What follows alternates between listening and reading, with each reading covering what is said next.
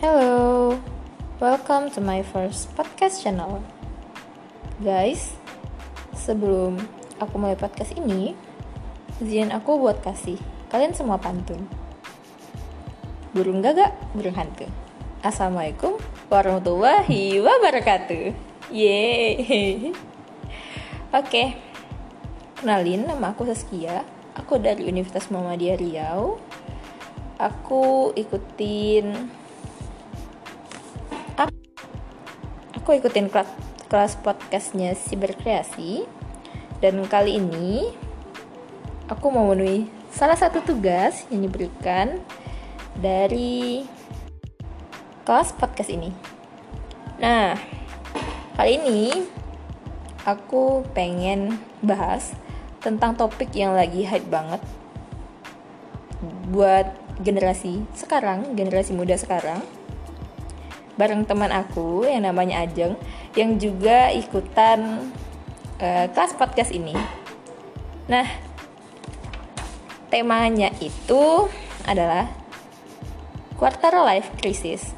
Jadi, nanti aku sama Ajeng mau cerita dan sharing sama kamu semua tentang tujuh hal terkait quarter life crisis dan cara menghadapinya.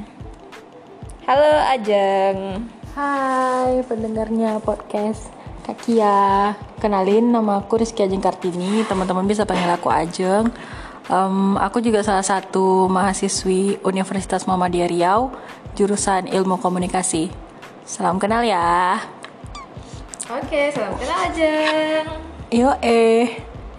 Ajeng. Yuk Nah, kali ini kita pengen bahas tentang tujuh hal terkait quarter life crisis. Sebelumnya kita pernah ngomongin ini ya, Jeng ya? Pernah banget nih. Iya, jadi sharing yuk. Apa sih tujuh hal itu yang uh, terkait cara menghadapinya gitu? Oke. Poin yang pertama itu ada jangan membandingkan quarter life crisis kamu dengan teman kamu.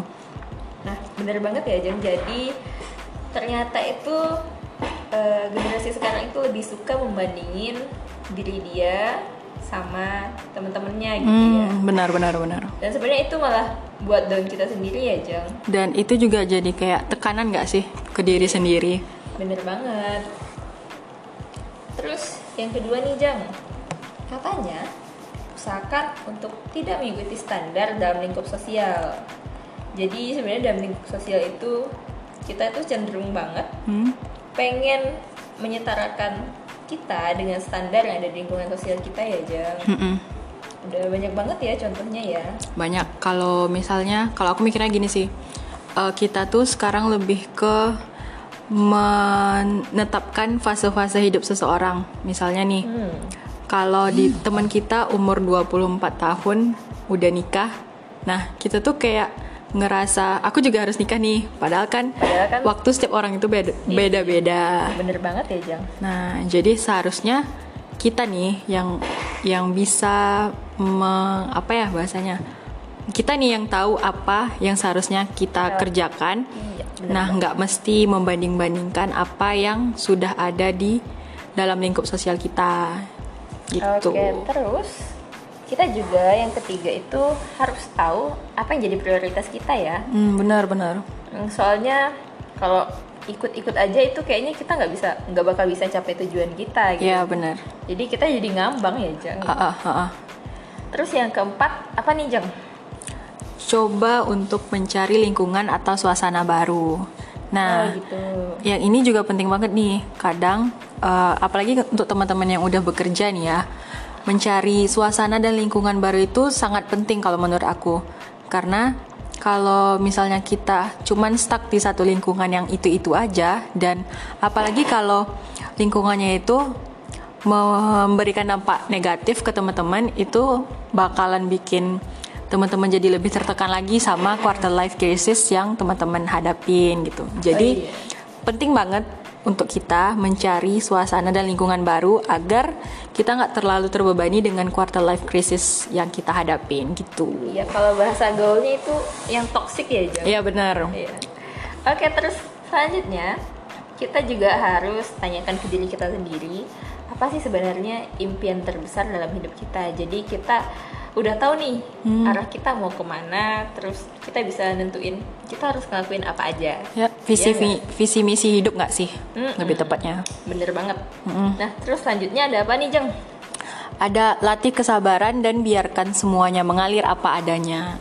Oh gitu ya, ya. Jadi kita nggak perlu menuntut untuk aku harus yang kayak gini nih nggak gitu nggak ya, perlu gitu. sebenarnya. Karena uh, semakin kamu uh, menekankan suatu fase hidup kamu tuh harus kayak yang gini harus seperti itu itu justru bakalan jadi beban kamu untuk mencapai mencapai target yang seharusnya nggak dipik nggak harus dipikirin banget biarkanlah uh, apa hidup itu mengalir seperti air. air. Oh, iya.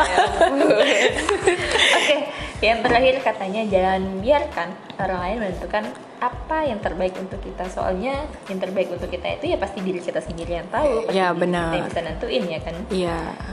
Karena emang kita yang jalanin apa yang akan kita hadapin, hadapin ke depannya okay. gitu. Oke. Okay. Jadi gitu ya, Jeng. Jadi ada tujuh poin dari cara menghadapi uh, quarter life crisis kita okay we can do it and we can handle it okay. gitu ya ya sip oke okay, Ajeng thank you so much buat waktunya kali ini oke okay, sama-sama uh, dan kita akhiri podcast kita Bila itu baik ya. Terima kasih untuk teman-teman yang udah dengerin podcast kali ini. Uh, kalau teman-teman mau ngasih saran, ide atau uh, kritikan, uh, boleh banget ke Instagram kita.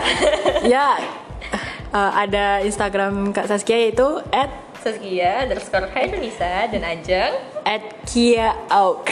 oh kita sama-sama Kia aja. ya kita kita dua Kia nih sebenarnya. Oke okay, teman-teman thank you so much buat udah dengerin. See you bye bye. Bye.